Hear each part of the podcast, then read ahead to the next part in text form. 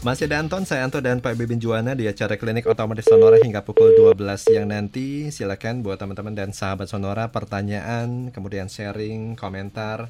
Anda bisa kirim ke nomor WA kami ya 0812 1129200 0812 1129200 ketik kos, spasi nama, usia, kemudian alamat spasi pertanyaan, komentar, dan sharing Anda di acara klinik otomotif Sonora pada siang hari ini. Sambil menunggu sambungan dengan Pak Bibin, saya mau menurunkan dulu ya informasi lalu lintas yang sudah kami terima. Ada Bapak Ari melaporkan di Jalan Jenderal Sudirman, Blok M yang Karas Manggi dua arah bergerak ramai lancar pada siang hari ini. Terima kasih informasinya. Kemudian saya beralih ke informasi di Tol Jakarta Tangerang. Tomang Karangtengah Tangerang Bitung lancar, Bitung Tangerang Karangtengah Tomang bergerak ramai lancar. Tol Cawang Tomang Cengkareng, Cawang Tomang Pluit Cengkareng lancar, Cengkareng Pluit Tomang Cawang bergerak ramai lancar. Tol Becakayu, arus kendaraan dari arah Bekasi dan Jakarta lancar. Hati-hati jaga kecepatan kendaraan dan cuaca sudah mulai turun hujan. Pak Bebin, selamat siang. Yo. Mm-hmm. Saya mau meneruskan pertanyaan Pak ya yang sudah masuk. Nanti ya. kita selang-seling dengan pembahasan mengenai uh, konsumen perlu tiga baris atau tujuh seat Pak ya. Ini ada pertanyaan Pak datang dari Andi di Jakarta Timur. Kenapa pada saat pengisian BBM di SPBU sering kali seperti terasa penuh di nozzle ini sampai bunyi cetrek ya dan bahkan hmm. sampai muntah atau luber. Padahal hmm. di indikator BBM di speedometer sebelum diisi sudah mendekati E yang biasanya kalau diisi sampai 25 liter tapi baru 17 liter aja sudah luber. Itu yang pertama, Pak. Kemudian pertanyaan kedua, kenapa uh, saat isi BBM saya sering melihat ada yang sampai menggoyang-goyangkan mobilnya. Kebanyakan dilakukan driver taksi. Pernah saya tanyakan ke petugas POM, katanya saat driver ambil mobil di pagi hari, bensin full, otomatis pengembalian juga harus full. Kalau tidak digoyang-goyangkan, gas di dalam tangki sepertinya membuat seolah-olah penuh padahal hmm. ada gas yang terjebak. Silakan, Pak. Hmm. Uh, soal isi BBM sudah apa meteran sudah menyatakan penuh bahkan sampai luber-luber tapi ternyata belum penuh sepertinya ada kait mengkait sep, uh, sep, dengan pertanyaan kedua yeah. Jadi memang kesannya ada apa? Kesannya ada udara yang terjebak sehingga uh, bensin sudah tidak bisa masuk lagi. Okay. Dalam hal ini uh, masalah yang dihadapi adalah masalah lubang pernafasan atau yang kita kenal sebagai breeder di uh, apa tangki bensin. Jadi iya. tangki yeah. bensin kita tuh sebetulnya ada lubang pernafasan yang sering kali bermasalah gitu. Okay. Jadi ada udara yang terjebak di dalam dan tidak bisa uh, apa escape, tidak bisa keluar sehingga uh, bermasalah dengan pengisian. Yeah. Gitu. Walaupun uh, sebetulnya juga tidak tertutup kemungkinan ada masalah. Ada masalah di meteran. Yeah. Ya kan? Uh, dan ini baru bisa dibuktikan kalau kita melakukan pembongkaran. Yeah. Apakah itu terjadinya di pelampung yang ada di tangki atau uh, di meter klasternya. Okay. Jadi uh, meterannya kita kita pakai bahasa yang sehari-hari saja.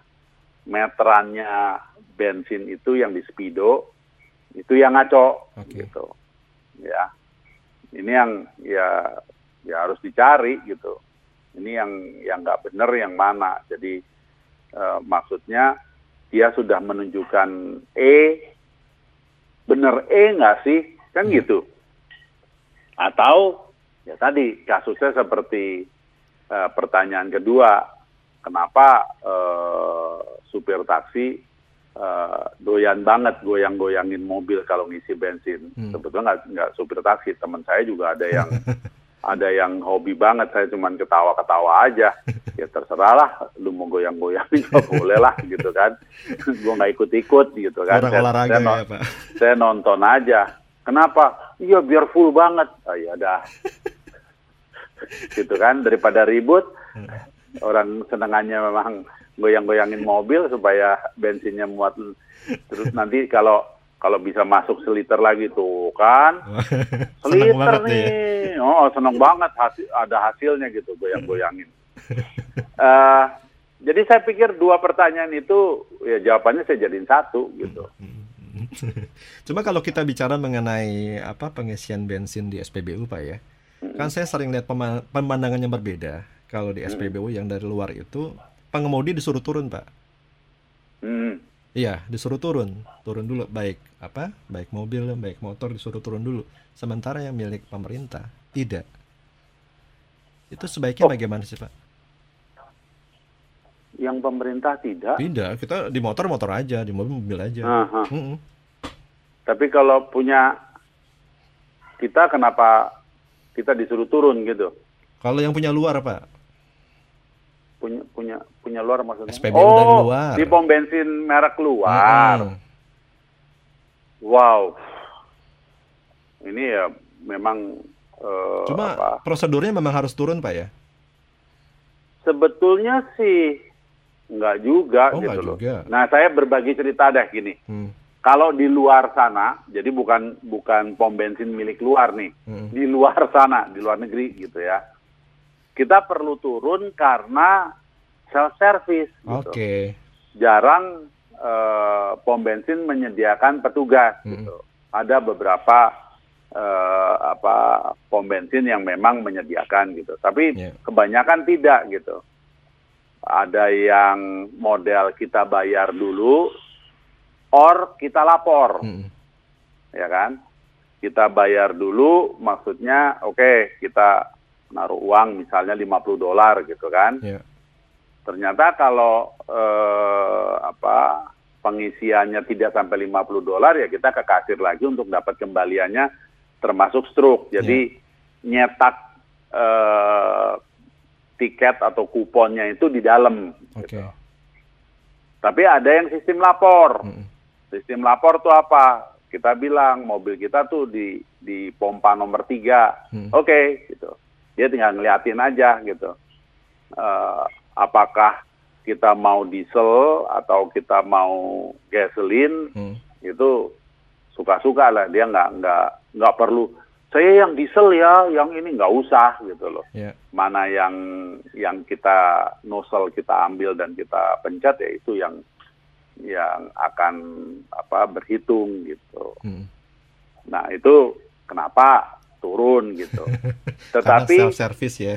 Karena self service. Tetapi tadi saya ceritakan uh, event di Kanada juga ada yang pompa pompa bensin menyediakan petugas. Hmm. Itu kita nggak turun nggak apa-apa, kita oh. cuma bilang full. Cuma teriak doang gitu, dari buka jendela full gitu. Iya, yeah, iya. Yeah. Nanti kartu kredit kita operin ke dia gitu. Uh, uh. Nah, cuman kalau memang kita memakai sistem PIN ya mau nggak mau kita kan mesti turun. Hmm Okay. Jadi alatnya itu memang ada uh, ada di dekat si pompa gitu. Uh, uh, uh. Ada yang malah menyatu. Saya pernah ngalamin tuh menyatu di di pompanya uh. itu di Swedia. Okay. Mana sepi lagi. Waduh ini kalau ngaco apa ngaco nagihnya Betul. gile nih gimana cara ngurusnya. Yeah. Gitu. Oke. Okay. Jadi nggak masalah sebenarnya ya turun atau tidak pak ya? Hmm. Tidak masalah. Baik. Sebetulnya sih enggak lah. Mungkin mungkin ya hmm. ada satu hal. Ini sih uh, apa menurut saya pendapat saya ini sendiri gitu ya. Diminta turun supaya uh, dia juga memperhatikan meter itu yang pertama toh. Okay. Jadi nggak mau ribut di belakang hari. Hmm. Uh, apa? Wah nggak bisa. Saya biasanya kalau seperempat isi 20 liter udah jadi setengah misalnya gitu. Hmm. Dia mau kasih lihat nih ya, saya mulai ngisi dari nol gitu. Yeah. Iya. Uh, bukan curang gitu. Tapi ada satu lagi uh, yang terpikir oleh saya, sering kali kan gini toh, kalau kamu diem di dalam kendaraan, kamu kan main handphone, yeah. ya kan? Hmm. Nah, uh, pompa bensin luar itu kan pak takut sama yang begituan. Yeah. Karena ketika uap gasolin itu sudah keluar dari nozzle apa keluar dari tangki, handphone sedang dipakai, itu kan medan magnet sudah jalan, yeah. ya kan? Hmm. Nah kalau kalau kamu di luar kendaraan, paling nggak kan dia melihat dan bisa memperingatkan. Betul. Rasanya sih sal, apa uh, alasan kedua ini kan udah sudah ada contohnya. Yeah uh, apa ngisi bensin yang di dalam mobil mainan itu mainan apa handphone, uh, handphone. Yeah. meleduk. Yeah. Jadi lebih ke faktor keselamatan pak ya? Ada faktor keselamatan hmm. dan apa untuk mem ini bapak bisa lihat nggak nih tuh nol tuh ya. Hmm. Saya mulai dari nol gitu yeah. supaya nggak terjadi ini apa uh, ribut, hmm. Hmm, kecurigaan okay. gitu, salah sangka Baik. segala macam. Saya beralih ke Pak Bambang. Selamat hmm. Paskah, Pak Bebin Mas Santo. Terima kasih. Oh iya, terima kasih. Mohon pencerahan tentang mobil listrik dan tipe hybrid, Pak. Kawan hmm, saya punya ini. sedan hybrid merek H ya. Ini mungkin hmm. asal Korea, Pak ya. Hmm. Ini saya lihat ada panel surya di atap sedan tersebut. Nah, kata pemiliknya, Hah? bila memakai Serius? bensin sangat irit katanya. Hmm. Nah, pertanyaan saya, Hmm. Menurut Pak Bibin lebih enak mana nih memakai mobil listrik 100% atau tipe hybrid? Kemudian apa kelemahan dan kelebihan mobil hybrid? Kemudian apakah mobil listrik juga dilengkapi dengan panel surya semua? Hmm. Oke, okay. uh, eh, saya jawab satu-satu. Saat ini saya pribadi masih lebih memilih hybrid. Yeah. Ya kan? Karena mobil listrik yang jangkauannya panjang saat ini uh, sudah ada, sudah ada, uh, lumayan sudah sampai berapa ya, 400 kilo hmm. ada, uh, tetapi harganya akan mahal sekali, yeah. mengingat harga baterai, ya kan? Itu yang pertama. Jadi saya memilih uh, hybrid dan hybrid yang saya pilih itu adalah yang plug-in hybrid. Okay. Bedanya dengan hybrid biasa, yang plug-in ini ketika sampai di rumah atau sampai di tempat uh, charging mm-hmm. itu bisa melakukan charging gitu. Kalau hybrid yang biasa uh, begitu baterainya uh, terdeteksi sudah tinggal sekian persen, hmm. mesin akan dihidupkan untuk melakukan charging. Okay. Kalau plug-in, kelebihannya bisa di-charge di rumah. Yeah. Ya. Uh, saya memilih uh, plug-in hybrid itu karena berpikiran, kan sesekali kita boleh dong keluar kota gitu. Walaupun sekarang pandemi sih belum belum terpikir lah. Hmm. Tapi nanti ketika sudah new normal bisa dong kita sesekali ke luar kota gitu ya. Sementara kalau listrik juga bisa, bukan nggak bisa. Tetapi kalau jangkauannya hanya di kisaran 300 kilo, hmm. sementara kita mau ke Semarang, itu berarti di kilometer berapa itu? Uh, hmm. Kan ada rest area tuh toh. Betul, kalau itu, karena kalau nggak salah sudah ada beberapa SPKLU Pak Iya, hmm. itu berarti kan sudah harus melakukan charging. Betul. Bukan nggak bisa, bisa, tapi sudah harus melakukan charging. Dan hmm. charging katakanlah dari posisi 20-30 persen untuk mencapai 80 persen, kan mungkin akan akan dibutuhkan waktu sekitar satu jam. Satu jam, ya. Ya kan? Uh, satu satu jam itu kita makan, ngobrol, ngopi, uh, kayaknya uh, belum kelar tuh yeah. chargingnya ya kan itu baru mau sampai Semarang hmm. apalagi Anto yang mau ke Jogja gitu hmm. sambung aja apa nginep aja dulu di Semarang supaya semalaman bisa ngecharge kan hmm. kira-kira kan begitu toh Betul. nah uh, itu sebabnya saya memilih uh, hybrid apa hybrid daripada elektrik uh, car yang hmm. sepenuhnya. Yeah. Terus tadi pertanyaannya apa ya? Sebentar Pak. Uh, pertanyaannya uh, mobil listrik apakah juga dilengkapi dengan panel surya semua Pak? Kemudian oh, apa kelemahan dan kelebihan mobil hybrid? Uh, ke apa panel surya itu tidak semuanya hmm. itu tergantung apa desain dari masing-masing pabrik. Jadi yeah. uh, saya tahu mobil listrik yang banyak sekali mobil listrik yang malah tidak pakai tidak panel dilengkapi surya. panel surya gitu kan. Hmm. Uh, kemudian apa kelemahannya uh, mobil hybrid? Yeah. Uh, kelemahannya begini, ketika baterainya sudah tidak lagi fit, jadi baterai ini kan waktu kita ngobrol sama teman kita Pak siapa tuh namanya, Tok, kan uh, ada yang Suryono.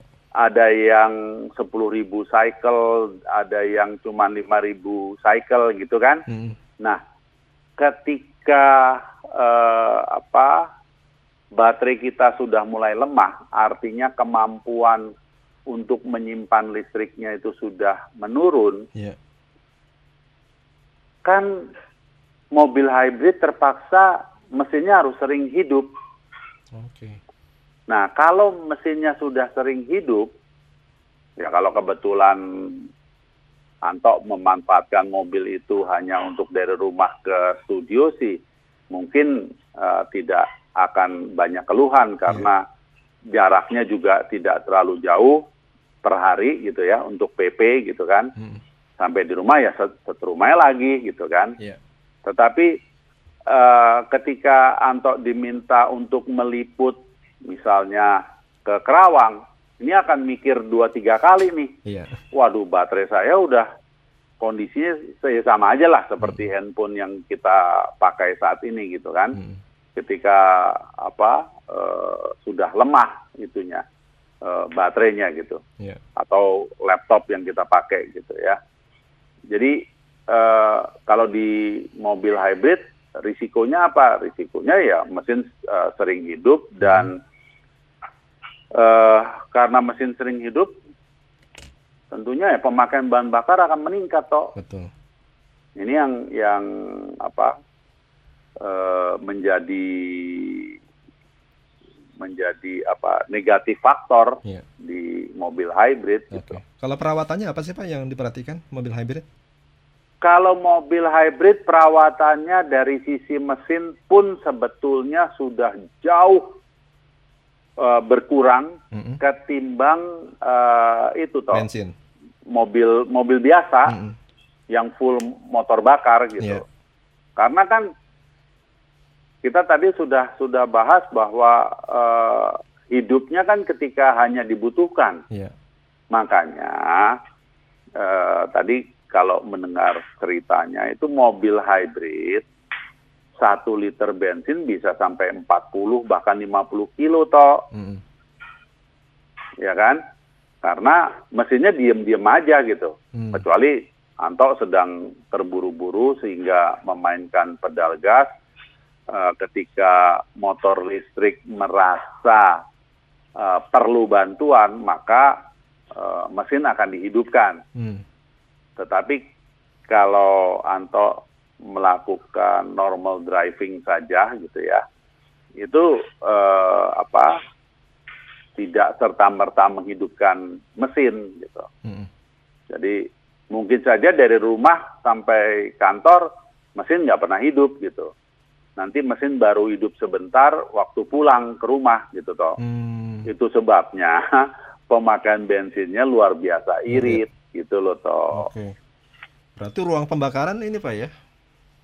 Ya relatif lu juga lebih jauh lebih bersih. Hmm. Kalau biar bicara maintenance-nya tuh menjadi menjadi ringan sekali toh. Hmm. Cuman gini, mobil hybrid masih perlu miara mesin gitu yeah. loh toh. Oke. Okay kalau mobil listrik udah nggak punya mesin, hmm. yang dipelihara apa ya mungkin tahun dua tahun sekali perlu ganti minyak persneleng doang gitu, hmm. Hmm. karena dia masih punya punya gigi, gigi persneling hanya untuk maju dan mundur okay. gitu loh toh. Mm -hmm.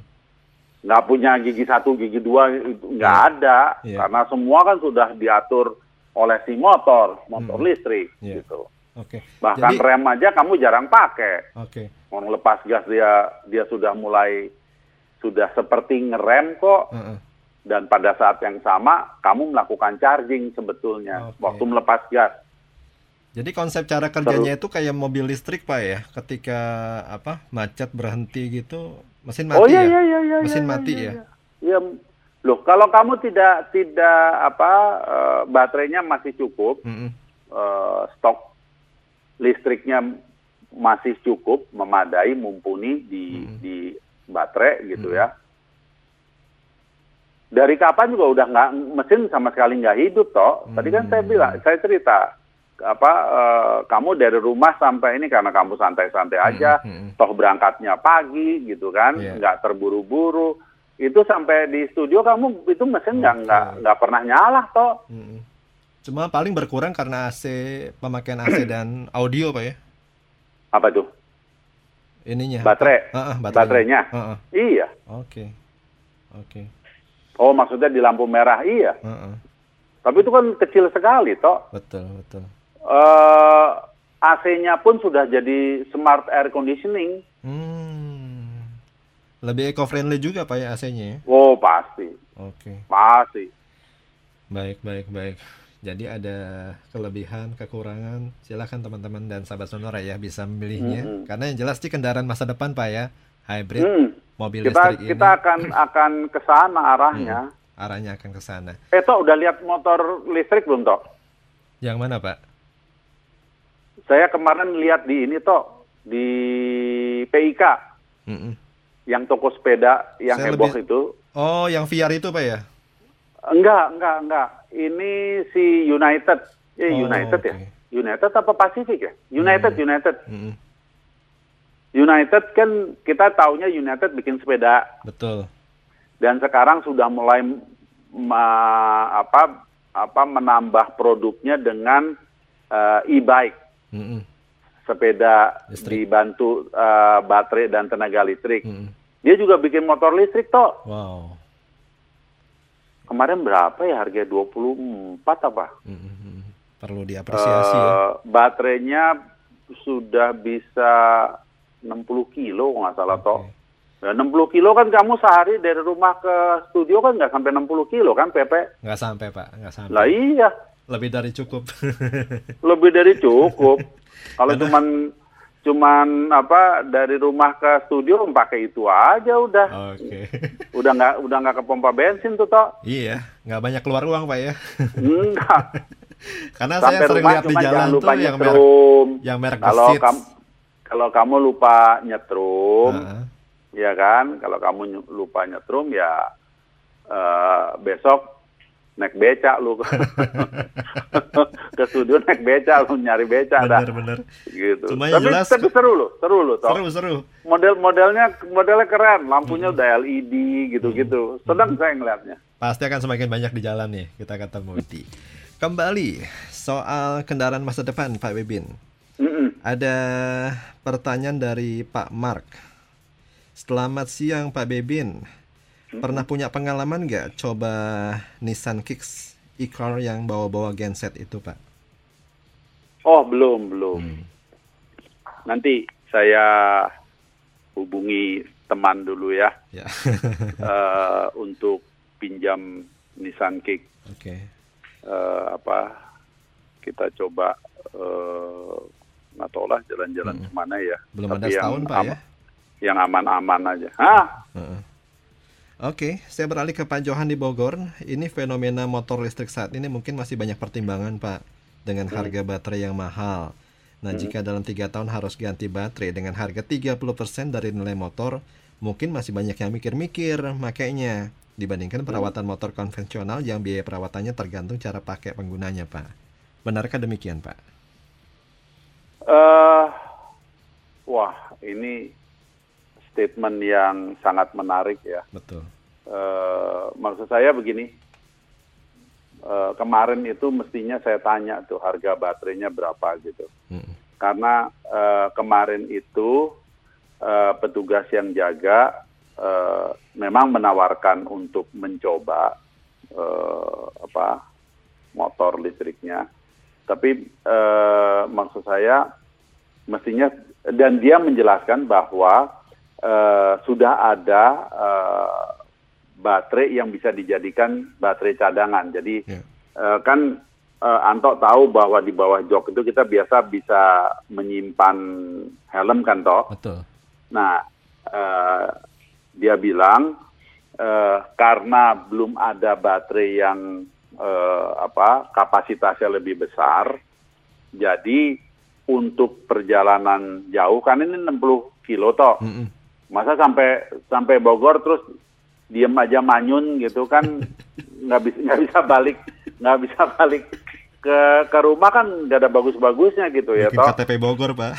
Oh, uh, dia bilang uh, bawa aja satu baterai lagi uh, di tempat helm tadi tuh toh. Oh keren ya Uh, jadi tinggal tuker aja hmm. gitu. Jadi sam begitu sampai di tadi kan saya ngambil contoh karena dia nyebut 60 ya. Hmm. Ya anggap aja ke Bogor gitu kan. Okay. Mau nyoba asinan Bo Bogor sambil naik motor listrik uh, supaya pulangnya itu tinggal buka uh, apa bagasi yang sebagai tempat penyimpanan helm, helm. itu terus hmm. tinggal di apa ditukar baterainya untuk hmm. untuk pulang kan bisa begitu toh. Berarti baterainya nggak nah, begitu besar pak ya, jadi bisa. Nggak besar, nggak uh, besar, nggak hmm. besar.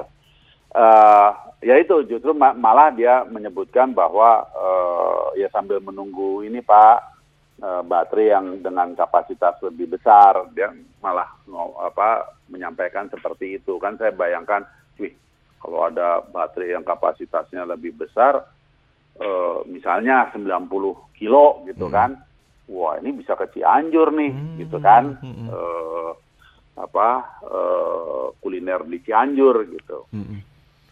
Uh, dia bercerita gitu. Jadi saya nyesel banget nggak nanya itu harga baterai yang dia sebutkan sebagai cadangan hmm. berapa gitu ya. hmm. ya uh, untuk uh, ya paling tidak ada contoh lah okay. uh, eh, motor seperti ini baterainya harganya berapa gitu. Ini menarik nih kalau kita beli motor Dan tersebut umur, dapat umur kita yang belum tahu umur toh. Hmm. Kan kita sudah belajar dari Pak ini kan bahwa kita bukan bukan bicara uh, umurnya apa tiga tahun apa empat tahun apa lima tahun gitu. hmm. gitu. Uh, Berapa kali seperti, charging pak ya? Hmm, ya tapi kan, kan cycle hmm. karena uh, kalau dari cerita teman di Amerika bahwa uh, Prius misalnya hmm. Toyota Prius itu uh, baterainya kira-kira lima tahun. Wow. Lima tahun, ya tentunya udah dipakai lebih dari 150 ribu udah kilo gitu kan. Jual nah, mobil lagi pak jadi uh, katanya kalau sudah lima tahun hmm. itu uh, si mesin udah sering hidup. Hmm. Kan tadi kita sudah sudah ini kan kalau mesin sering hidup berarti kan baterai udah payah nih. Yeah. Iya. Uh, nyimpan setrumnya uh, sudah nggak bagus hmm. gitu loh toh. Hmm. hmm, hmm Jadi okay. untuk motor kita belum tahu yeah. ini berapa uh, apa yang dikasih itu berapa cycle. Okay kan kalau kita sudah ini kan kita bisa tanya berapa cycle sih terus uh, apa jadi kita bisa berhitung gitu loh toh hmm. cuma menarik ya kalau kita bisa bawa baterai cadangan pak ya hmm, seperti hmm. yang di motor iya menarik banget dong toh tadi ya. pergi ke mana nggak usah cemas pak Nah, uh -uh. kita kan bingung habis makan asinan ya pulangnya gimana nih mau numpang nyolok ke mana kan gitu-gitu kan toh oke okay. Ada Pak Budiman, uh, motor listrik buatan Indonesia merek Gesit kemarin dulu launching, harganya 27 juta Pak. Jarak tempuh 60 kilo, charging aki 4 jam. Nah kira-kira buat harga jual kembali gimana ya Pak Bebin? Harga jual kembali itu menurut saya uh, hukum pasar. Hmm. Hukum pasar. Sulit diprediksi sekarang. Jadi begini, uh, analog analoginya begini toh. Yeah.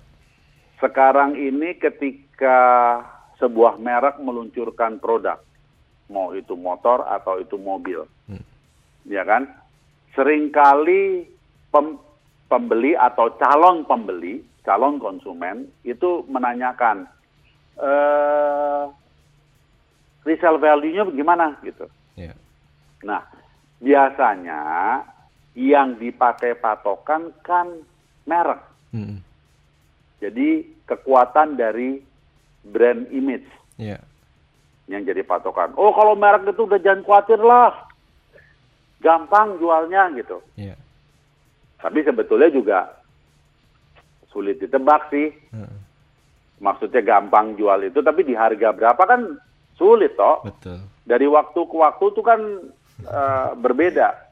Setiap kondisi terjadi perubahan kondisi pasar itu berbeda seperti sekarang sedang ada apa refund pajak. Ya harga mobil yang bersangkutan, mobil yang sama yang dapat refund pajak bekasnya, uh yang biasanya misalnya kalau dijual laku 150 juta, misalnya ini saya cuma ambil uh, apa angka dari dari mana tahu gitu ya. Begitu dengar ada refund pajak toh, yang biasanya 150 juta itu tinggal mungkin ditawarkan 120 aja belum tentu orang mau. Ah, mendingan hmm. saya beli yang baru aja. Hmm. Mumpung lagi pot ada potongan pajak kan bisa begitu toh. Yeah. Makanya sebetulnya resale value itu uh, apa agak bukan agak memang sulit ditebak. Hmm. Hanya saja kekuatan brand image yang bisa kita pegang. Oh ini nanti tidak akan sulit jualnya. Yang ini wah pembelinya siapa ya? Sama seperti pertanyaan Anto sekarang, mobil eh, motor listrik atau mobil listrik nanti harganya gimana? Sulit ditebak. Yeah. Tapi ketika po populasinya tinggi, nggak usah khawatir toh. Hmm. Sebetulnya yang kita sebut bahwa oh uh, mobil itu mudah dijual, oh motor itu gampang, kamu naikin di online sebentar aja udah hmm. ada yang nawar hmm. gitu kan. Itu karena apa? Karena populasi toh. Iya, betul. Jadi merek sama, ya kan? Merek sama nih. Hmm. Tetapi uh, apa uh, model atau tipe beda, bisa beda ceritanya toh. Betul ini yang berlaku Jadi, sekarang ya untuk mobil bahan bakar iya, bensin kalau, ya. kalau sekarang hmm. ditanya ini nasibnya motor listrik gimana nanti kalau udah dipakai tiga tahun kita walau-walam kita juga nggak tahu toh. Tetapi ketika motor tersebut populasinya melonjak, hmm. orang tahu bukan jadi barang aneh, yeah. Barang langka, gampang jualnya. Betul. Minat masyarakat semakin tinggi, Pak ya. Orang untuk beli itu nggak ragu. Betul. Intinya kan cuma di situ. Cuma nanti jangan lupa ketika jual harus dikasih ketahu keterangan sudah charging berapa kali gitu Pak. Ya. Nah ini yang saya nggak tahu. Maksud saya begini, apakah teknologinya udah sampai di situ ya toh? Uh. Uh, apa namanya bisa terdeteksi secara komputer, ngerti nggak toh? Betul. Jadi uh, ilmiah gitu, bukan bukan tebak cermat. Uh -uh. Uh, dengan komputer dicolok, oh ketahuan daya baterainya baterainya baterainya uh, katakanlah 5000 cycle gitu kan. Hmm. Ini sudah 3000, tinggal 2000 cycle. Hmm. Habis itu Anda beli baterai, harganya yeah. berapa itu kan uh, ya seperti kita sehari-hari sekarang ini kan. Betul. Mau mau beli mobil atau beli motor tuh kondisinya kayak apa sih? Hmm wah gila tuh orang. Servisnya cuma setahun sekali. Kalau dia inget doang gitu kan? Yeah. lah terus? Ya coba aja periksa. Ini rusak itu rusak ini mesti diganti itu mesti diganti. Mau nggak uh, beli barang bekas dia? Kan bisa begitu kan toh? Betul. Sama aja. Hmm. nggak usah khawatir. Nggak usah khawatir Oke Pak Julianus Hartono, pertanyaannya, bisa nggak mobil konven konvensional dimodif jadi mobil hybrid dan mobil listrik Pak? Kalau jadi mobil hybrid rasanya Susah. sulit. Mobil listrik saya udah lihat banyak banget hmm. uh, contoh-contoh yang sudah terjadi gitu ya. Yeah. Uh, mesi, uh, apa mesinnya dipinggi, disingkirkan, kemudian mesinnya diganti uh, motor listrik, diganti tangki bensin dibuang, diganti hmm. buat tempat uh, dudukan baterai dan hmm. seterusnya. Kalau dirubah menjadi uh, mobil listrik, saya sudah lihat banyak sekali hmm. uh, mobil Jepang maupun mobil Eropa maupun mobil uh, Amerika. Yeah. Okay. Tapi untuk menjadi hybrid itu yang uh, apa saya belum pernah uh, menemukan gitu. Hmm. Hmm. Karena kan uh, akan lebih kompleks kan toh. Hmm. Kompleks Cuman, dalam arti Anto harus memikirkan naruh mesin di mana, mm -hmm. kan? Mm -hmm. Motor listriknya bagaimana, transmisinya gimana, terus otaknya yang bisa jaga atau bisa jagain gitu ya. Mm -hmm. Oh ini baterai udah soak, mesin hidup dong, gitu. Betul. gitu. Atau, waduh, si Anto lagi buru-buru, komputer bisa baca gitu. Mm -hmm. Jadi mesinnya hidupin sekalian. Mm -hmm. Jangan cuma tergantung kepada motor listrik, kan bisa begitu. Betul.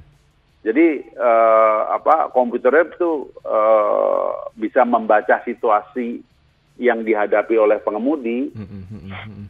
Gitu ini menarik nih bagi sahabat sendiri yang punya mobil listrik ada penawaran dari PLN mau nambah daya sampai 10.000 watt. Ini akan ada hmm. promo khusus nih. Jadi Anda bisa ngecasnya hanya bisa di rumah ngecasnya, lebih iya, ekonomis yeah, yeah, jika yeah. melakukan pengisian betul, betul. baterai PLN sudah udah ini toh, udah hmm. siap menghadapi era mobil listrik. Betul. Uh, sehingga nanti meteran maupun colokannya pun terpisah. Oh, Oke. Okay. Nggak nggak nyambung sama listrik yang sudah ada di rumah Anto sekarang. Uh -uh.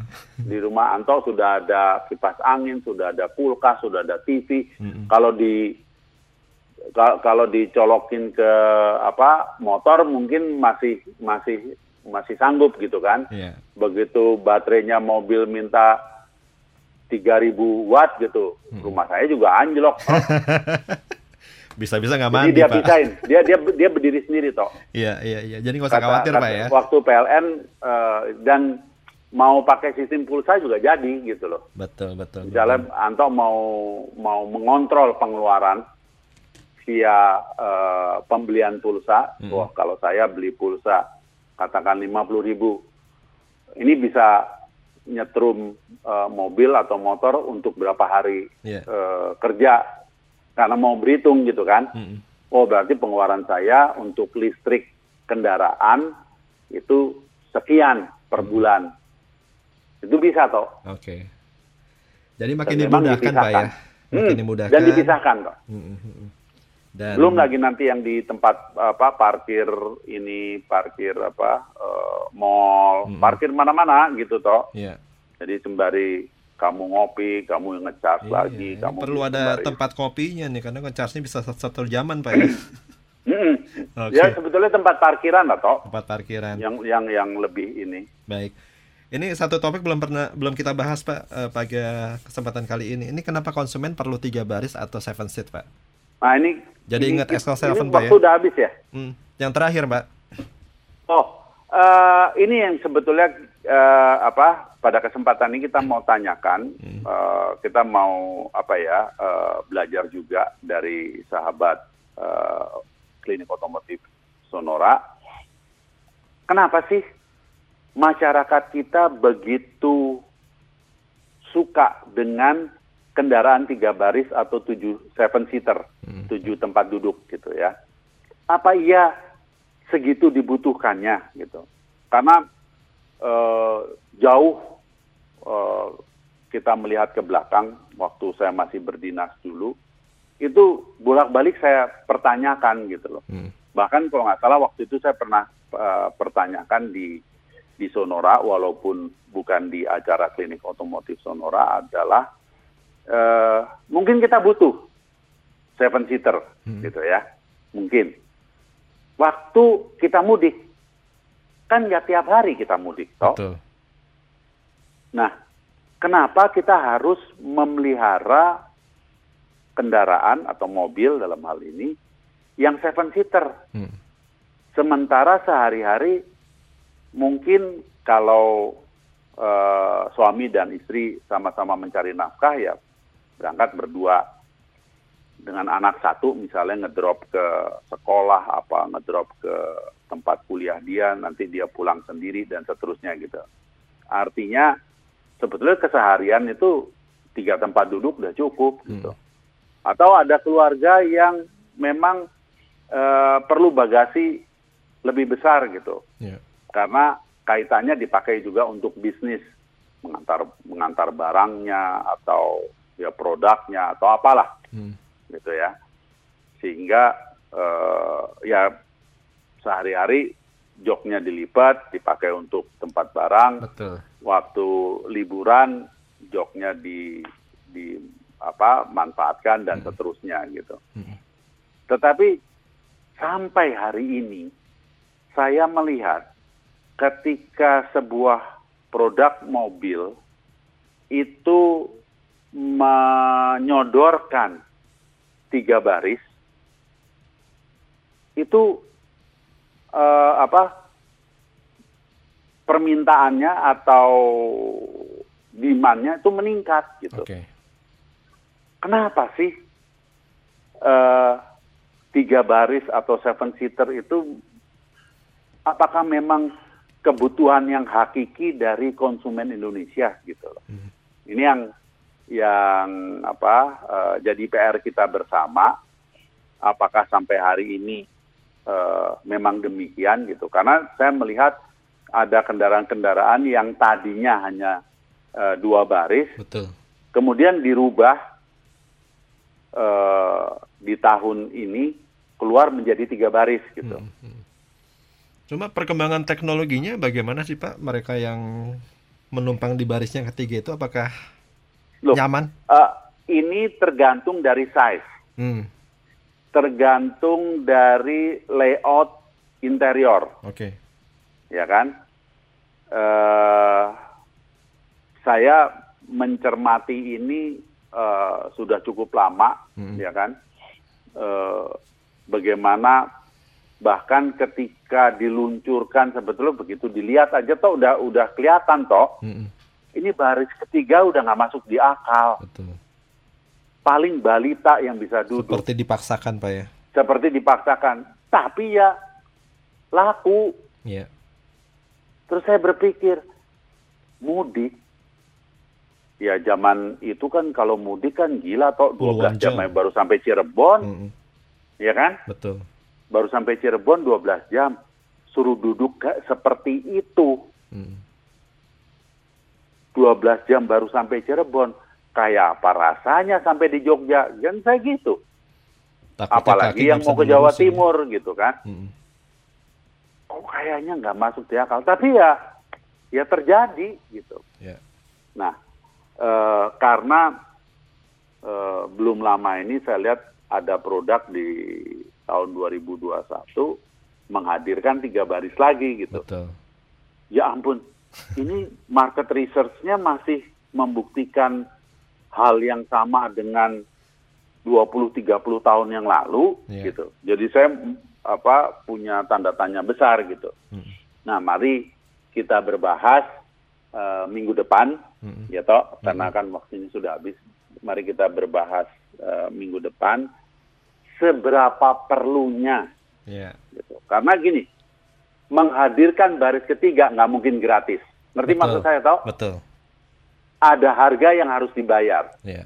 Bukan hanya ketika ya kalau kalau konstruksinya bagus sih, ketika kursinya dilipat bisa mendapatkan ruang bagasi yang rata. Tapi uh, sering kali uh, apa sistem mekanisme melipatnya itu nggak bagus gitu. Mm -hmm mau bagus tidak bagus Anda harus bayar itu yeah. Dan itu menjadi laku hmm. ya untuk apa sih betul itu kita bahas minggu depan ya termasuk sahabat sonora yang sudah merasakan experience ya beli hmm. mobil hmm. tiga baris atau seven seater silakan cerita juga minggu depan pak ya kenyamanan ya. experience seperti apa. Oke, Pak Bebin terima kasih buat kebersamaannya. Okay. Salam sehat Pak ya. Salam sehat. Kita jumpa lagi minggu depan. Kita jumpa lagi minggu depan. Anton, saya Anto Pak Bebin pamit. Selamat siang, sampai jumpa.